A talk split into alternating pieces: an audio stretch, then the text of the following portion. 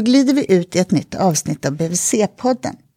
Och idag ska vi prata om en verksamhet som vi har i Stockholm som heter Rosenlunds barnhälsovårdsteam. Som är för föräldrar med beroende av olika slag eh, under barnets första år. Jag heter Malin Bergström, jag är barnhälsovårdspsykolog och idag träffar jag Susanne Etzler som är barnsjuksköterska. Och Johanna som är barnsjuksköterska också. Och ni har jobbat på Rosenlund hur länge? Du har jobbat länge Susanna. Ja, jag har jobbat på Rosenlund nu i snart fem och ett halvt år sedan vi startade. Och jag har varit där i tre år. Mm. Och vad har ni för kollegor? Ja, vi har Ulrika, hon är också barnsjuksköterska. Varit där sedan ett och ett halvt år nu ungefär. Och så har vi Ann-Louise, hon är kurator. Och så har vi barnläkare, lite olika, som kommer upp från Saxka. Mm. Och vilka är era patienter? Vilka är det ni träffar? Eller era familjer som går hos er? De som går hos oss är familjer som, där, det tidigare har, där det finns eller tidigare har funnits en beroendeproblematik. Och vad kan det vara för beroenden? Ja, det är alkohol eller droger. Eh, sub substanser ska jag väl säga, för det, det innefattar även tablett, eh, tabletter. Så inte spelmissbruk? Inte spelmissbruk, nej. Men det kan, vara, det kan se ganska olika ut, för vissa av era familjer har haft ett beroende tidigare i livet och avslutat det innan man bestämde sig för att man skulle få barn. Och för andra så kan det vara ett pågående beroende som har pågått under graviditeten eller så, eller hur? Ja, det stämmer. Det finns absolut de som har kunnat avsluta och en del eh, avslutat med hjälp av medicinering som de fortsatt står på.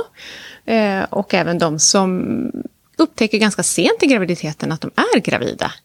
Eh, och då får, får hjälp att försöka avbryta sitt beroende. Vad är det? Du sa att man kan gå på, eh, att man kan få medicinering, Johanna. Vad, vad är det för någon medicinering? Det handlar ju i första hand eh, främst om, om eh, kvinnor som har haft ett opioidberoende. Och vad är ofta opioider? Ett, ofta ett heroinmissbruk som då sätts in på substitutionsbehandling och då handlar det i första hand om metadon eller Subutex buprenorfin som man kan stå på under lång tid som en, som en behandling för att inte återfalla i, i ett missbruk. Och påverkar det barnet? Ja, det påverkar ju barnet. Det, det, blir ju, under graviditeten så blir barnet exponerat för de här medicinerna och det är ju starka preparat som såklart eh, som påverkar barnet under, under fostertiden. Mm. Mm. Och hur kan man se på barn, jag tänker när barnen är alldeles nyfödda, man ser på BB eller när familjerna kommer till er. Hur, hur kan barnen ha påverkats då? Kan de vara abstinenta? Ja, det kan de. Det här är ju en grupp barn som riskerar abstinens. Eh, barn på metadon, högre, högre risk än på eh, buprenorfin. Så man brukar följa dem eh, på BB eh, och eventuellt på neonatalavdelning för att se om de utvecklar abstinens. Men inte alla gör det. Och hur, hur ser, vad, vad är det för symptom om barnet är abstinent? De här barnen uppvisar ju, det är många olika symptom. Det är ju, eh, pratar vi generellt om regleringssvårigheter, de har svårt med, de är skrikiga, de har svårt att äta, de har svårt att komma till ro. Det är, mycket, det är skakningar, det är svettningar, de kan få feber. Eh, de kan ha svårigheter att smälta maten och svårigheter med tarmen generellt. Mm. Och hur länge kan det där sitta i? Det skiljer sig ganska mycket men, men eh, det kan sitta ju, det kan bli ganska långvarigt och man kan få behöva behandla de här barnen med morfin under nedtrappning då i upp till 5-6 veckor innan den här akuta fasen är över. Vi vet från studier att eh, beroende hos föräldrar precis som psykisk sjukdom eller psykisk ohälsa, men i ännu högre grad påverkar risker för barn, både i stunden och över tid. Liksom. Eh, och det är det som är bakgrunden till att er BVC finns. Hur jobbar ni med de här familjerna? Hur ser liksom programmet ut? Vi jobbar ju väldigt tätt eh, ihop med Rosenlunds mödravårdsteam där de här mammorna framförallt då, eh, kommer under graviditeten. Och eh, så som vårt upplägg ser ut nu så försöker vi träffa alla kvinnor under graviditeten och ha ett, ett första möte där vi knyter en första kontakt. Sen i den mån det går eh, så försöker vi också hälsa på på BB när barnet är fött. Eh, och vi gör upp en planering för när vi sen ska komma hem till familjen för första gången. Så det ska kännas tryggt för familjen när de går från BB att veta när vi kommer. Mm. Programmet är, sträcker sig i åtta månader, så det är ju alltså initiera kontakt under graviditet som Susanna sa precis och sen så sträcker det sig tills barnet är ungefär åtta månader. Och under den tiden så träffar vi familjerna tätt. Vad eh, betyder tätt? I början varje vecka. Alltså i alla fall åtta till tolv veckor någonstans där. Ses vi en gång i veckan. Ibland glesas det ut redan vid åtta veckor. Det kan ju se olika ut. Men så tätt och sen blir det varannan vecka och sen var tredje. Så att det blir liksom glesare och glesare eftersom barnet växer. Och kan det här anpassas efter familjens behov? Ja, det är absolut tanken. Att vi försöker göra det. Eh, vi åker ju på hembesök. Så, och, så er kontakten med er bygger på att ni kommer hem till familjerna? Ja, det stämmer. Vi åker hem. Eh, mestadels så gör vi hembesök.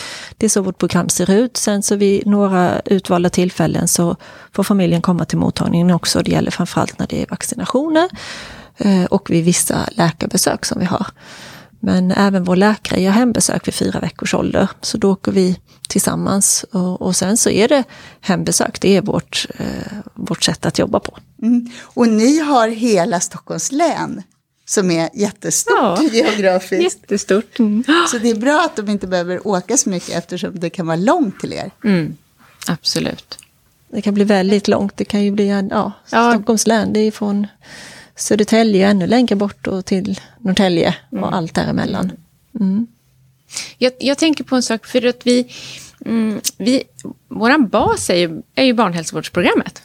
Och att eh, liksom det kommer fram här. Så att de, de, de, alla vaccinationer och utvecklingsbedömningar som ligger under basprogrammet följer ju vi.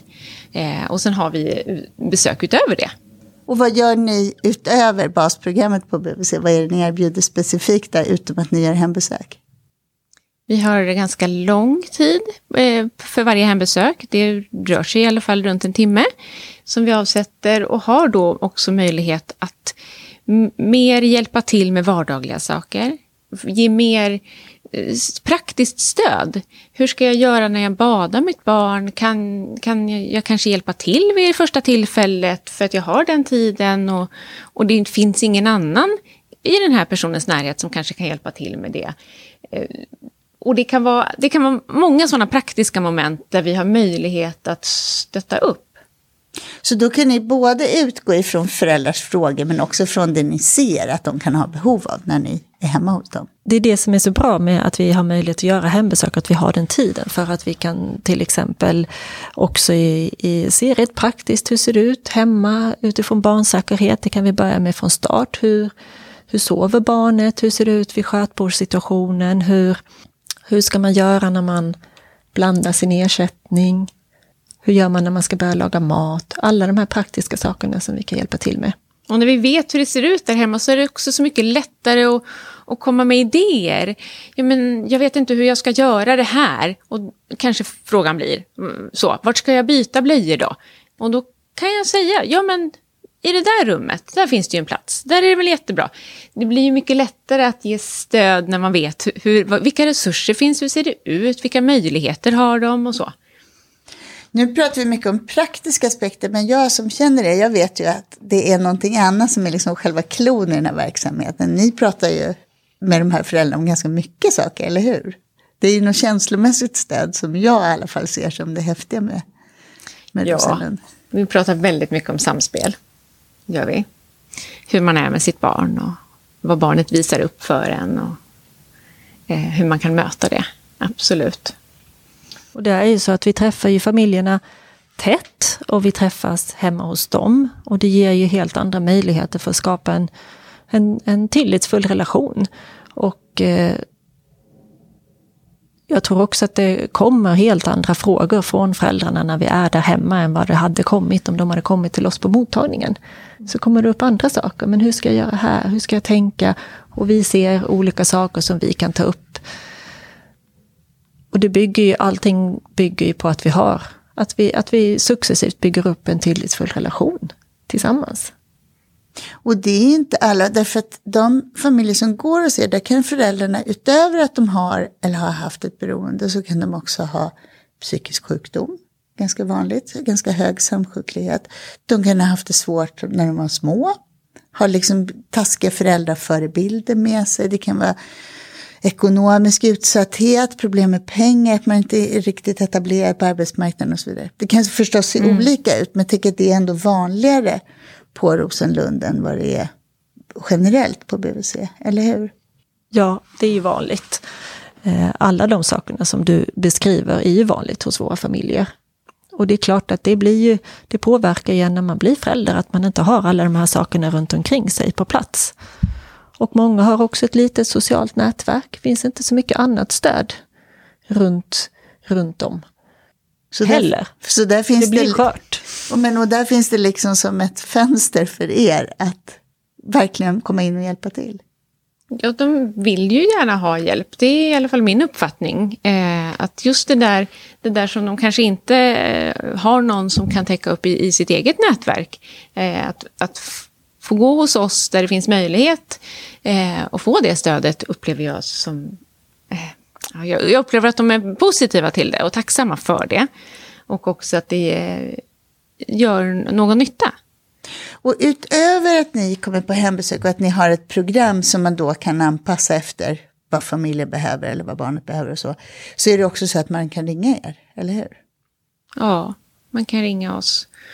Och eh, det, det går ju bra att ringa dygnet runt, även om vi inte är där dygnet runt, brukar jag alltid säga. Du kan lämna meddelande när som helst. Jag återkommer så fort jag är liksom på jobbet. Så ja, vardagar, vanlig, vanlig arbetstid, så 8 till 3 i alla fall, går det att nå oss. Men det är ju som vi pratar om ett ganska brett, alltså ett föräldrar kan, eller familjerna hos er kan ha ganska olika bakgrund och ganska olika situation. Men är det vanligast att ni har tät kontakt?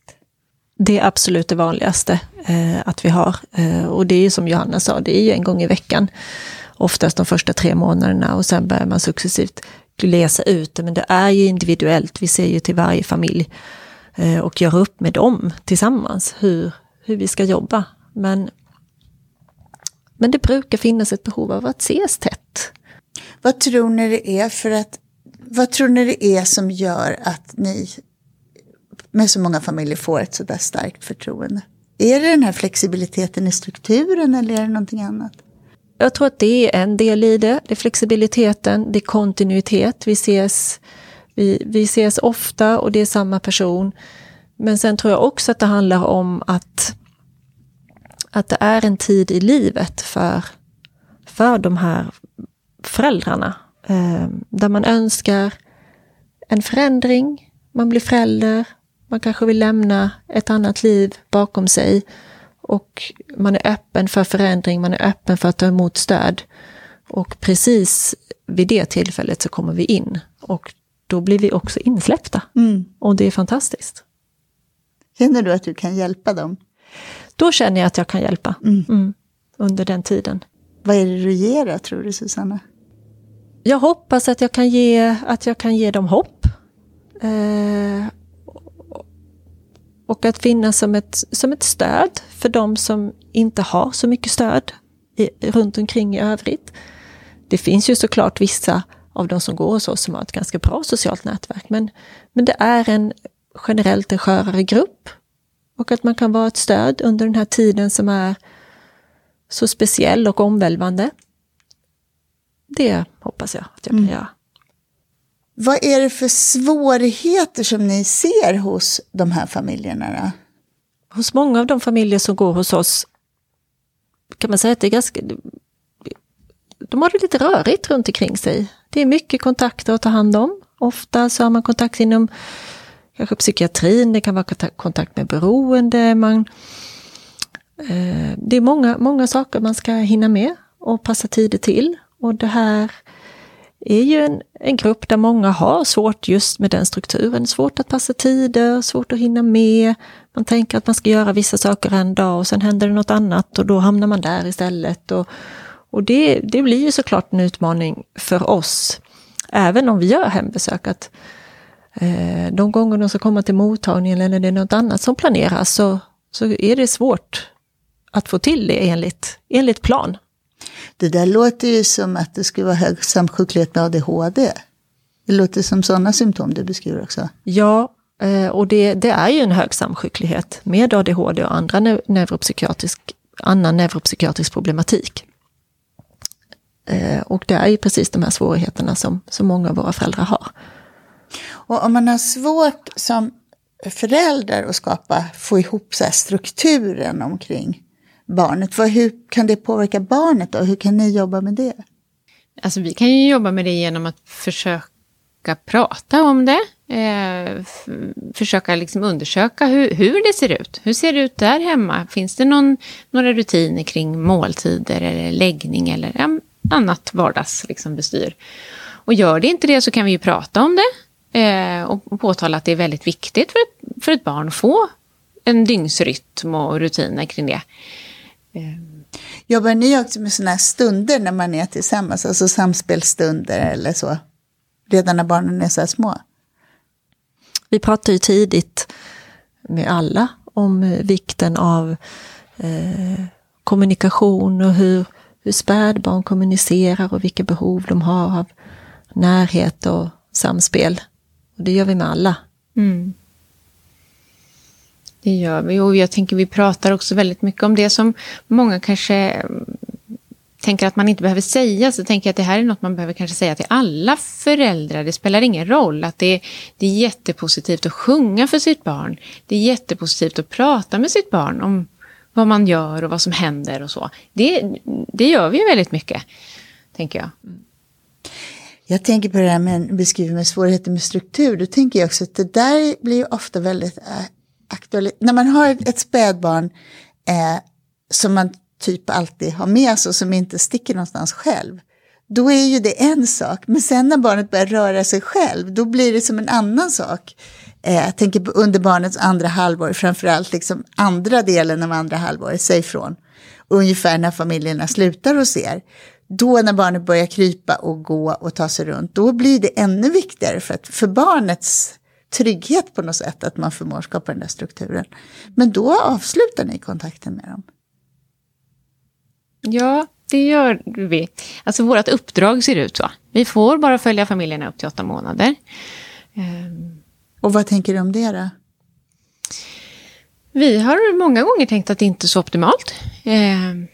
Vi har ofta just då eh, kunnat etablerat en god kontakt där vi har haft liksom tät kontakt under åtta månader. Och eh, jag upplever att många har förtroende för oss och att vi har byggt upp en tillitsfull relation.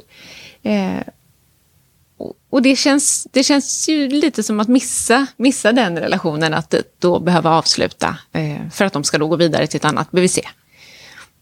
Jag vet att det var någon Lotta Lindfors som, gjorde någon, som intervjuade föräldrar som hade avslutat. Och för en del var det ju helt okej. Okay för vad man gör då vid åtta månader det är att man förs över till eh, vanlig BVC, i nära där man bor, så att det blir enklare att ha kontakten. Men jag mm. vet att när Lotta eh, intervjuade föräldrar om det där, så vet jag att det var många som tyckte att det var jobbigt, de ville gå kvar. Så är det ju, och det uttrycker ju många. Eh, och det beror väl dels på att, att det beror ju på det att vi har byggt upp och, och, och setts tätt under den här tiden. Och sen är det också det, tror jag, att många tycker att det är jobbigt med att träffa nya människor. Och har man en relation som fungerar så är man, vill man gärna stanna kvar i det. Och så ska man knyta kontakt med en ny person och det, det tycker de oftast är ganska jobbigt. Mm. Och sen att det sammanfaller med en tid när barnet också mer frigör sig och blir mer aktivt eh, är ju också... Det, det, det, hur jobbar ni med... Jag tänker på en sak som vi var lite inne på tidigare. En sak som varför vår kontakt lyckas. Eh, jag hoppas att den lyckas i många situationer i alla fall. Och jag tror att det kan också ha att göra med vårt engagemang. Vi har ett ganska högt engagemang. Och när vi släpper dem sen um, så kan jag tänka att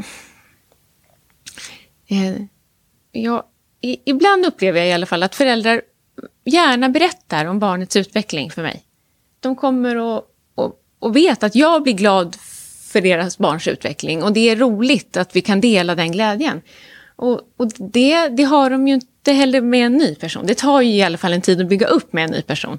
Det är klart att det går, men, men eh, de har inte samma förutsättningar att bygga upp det med en ny person eh, när det inte är så täta besök och hela det vi har från början i det här som Susanna beskrev med att de är öppna för att ta emot hjälp och så.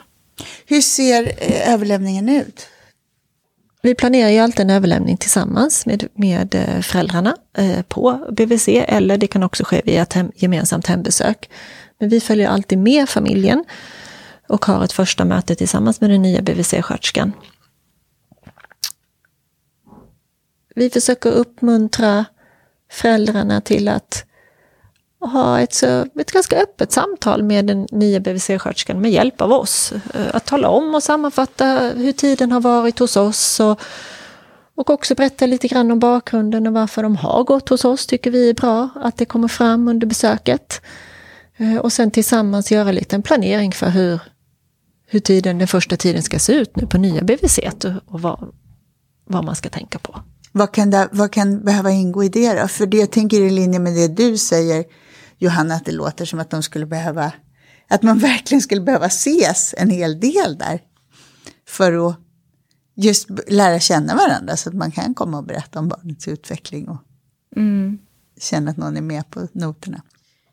Vi vet ju inte riktigt hur det går till, alltså hur det fortsätter på det nya BVC. Vi är med på överföringen, men sen har vi ju inte så mycket Mm. information om vad som händer därefter egentligen.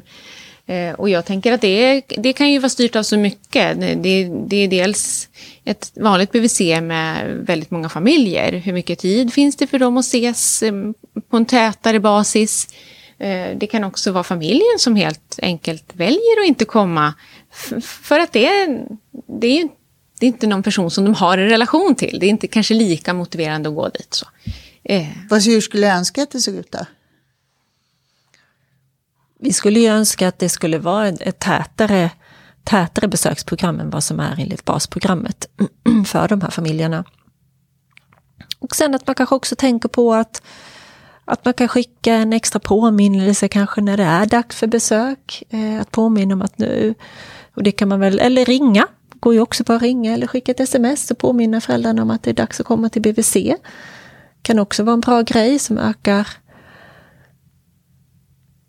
förutsättningarna för att det ska bli en bra fortsatt stabil kontakt. Så man behöver vara lite aktiv som BHV-sjuksköterska? Jag tror att det är bra att man tänker, har den ingången, att man tänker så. Och gärna fråga. Inte vara så rädd för att fråga hur det är. Nej, det är bra. Jag vet också Johanna att du tillsammans med någon annan tittade på hur det såg ut eh, för barn som hade gått eh, hos er vid tre och fyraårsbesöken på vanlig BVC och såg att det var ett lägre deltagande än för barn generellt. Mm, det var ju det var vår kollega Ulrika faktiskt. Ja, var det Ulrika Men mm. jag vet inte om du minns vad hon kom fram till. Det var någonstans runt 30-40 procent som inte kom på sitt treårsbesök. Mm. Så det finns en risk att vi tappar de här familjerna. Det finns en risk.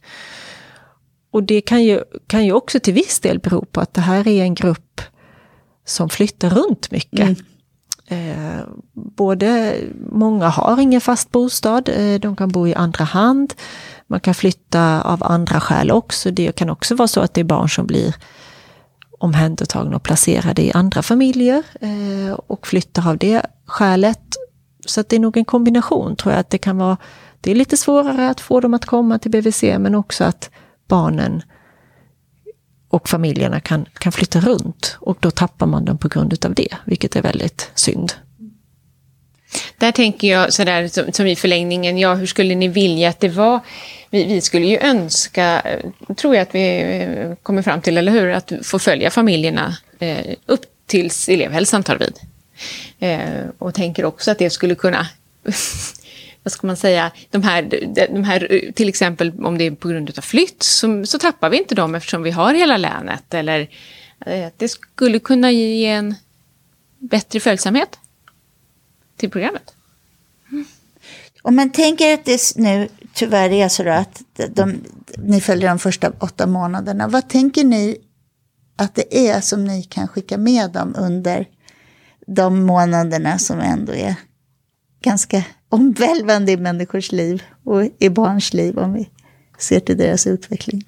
Jag hoppas att de tar med sig att det finns människor runt omkring som vill eh, stötta och hjälpa till.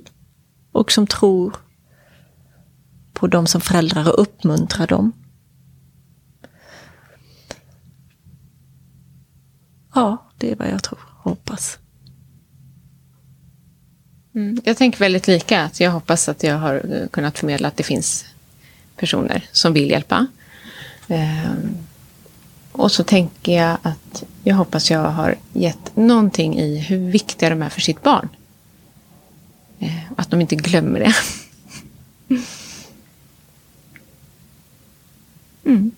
Tack Johanna, tack Susanna. Så glider vi ut från det här avsnittet.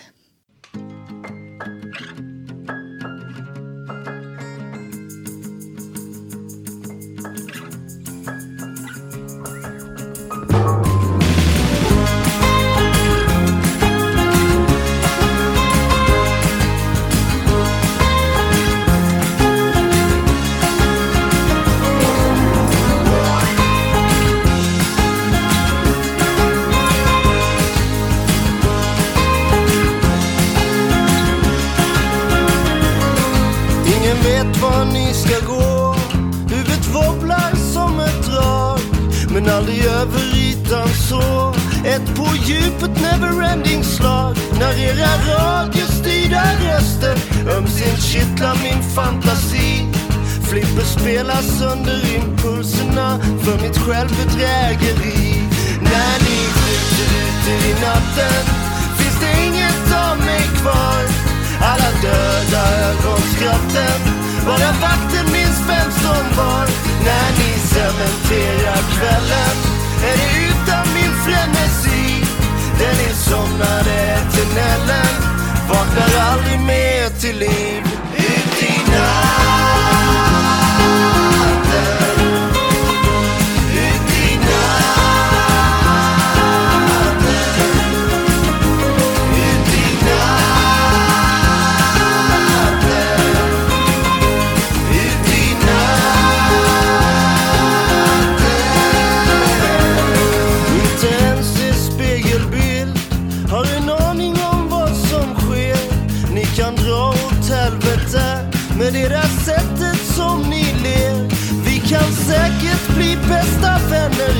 Eternal sunshine of the spotless mind. Men inte riktigt när du bara älskar mig. Genom rök och vodka lime. När ni skjuter ute i natten finns det inget av mig kvar. Alla döda ögonskratten bara vakten minns vem som var. När ni cementerar kvällen